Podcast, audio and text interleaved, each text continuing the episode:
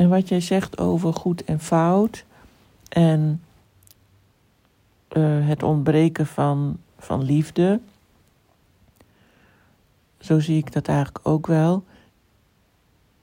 Volgens mij is het vaak zo dat uh, als je iets fout vindt, zoals dat nu wordt gezegd, hè, dit is fout, of dan, dan, dan is er vaak boosheid en angst.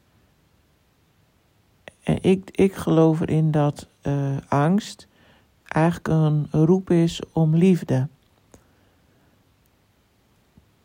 Dus als je iets veroordeelt en het dus fout vindt, dan kun je dat volgens mij zo ver doorvoeren dat, het, dat je eigenlijk graag wilt dat er een liefdevolle oplossing komt. Maar op het moment dat je in het oordeel zit, dan, dan ben je daar helemaal niet bewust van. Maar ik, ik geloof er ook inderdaad in dat liefde wel het antwoord zou zijn op alles.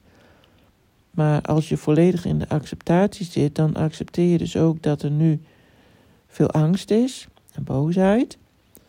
En dat dat dus iets zegt. Niet alleen over die ene persoon die dat dan heeft, of die vele personen die dat uiten, maar ook iets over de mensheid als collectief of onze maatschappij als collectief.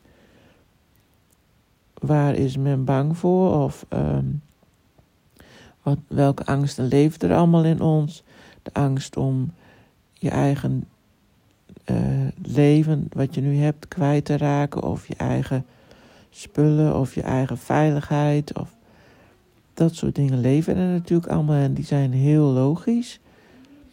Dus ja, als je dat kan accepteren en dat, maar er ook echt naar kunt kijken van, als het ware, als dat een onderzoek is van wat speelt hier nou eigenlijk, dan zou je ook wel eens tot um, oplossingen kunnen komen die voor iedereen uh, waardevol zouden kunnen zijn. Ja, maar goed, het begint dus met inderdaad observeren en accepteren dat het is zoals het is, in plaats van uh, dat het niet zo zou moeten zijn zoals het is. Want dan gaat het inderdaad wringen en dan zet je iets vast en dan stroomt de liefde ook niet meer. Ik snap dat dit allemaal heel vaag en ingewikkeld klinkt. Maar ja, zo uh, kijk ik er een beetje naar.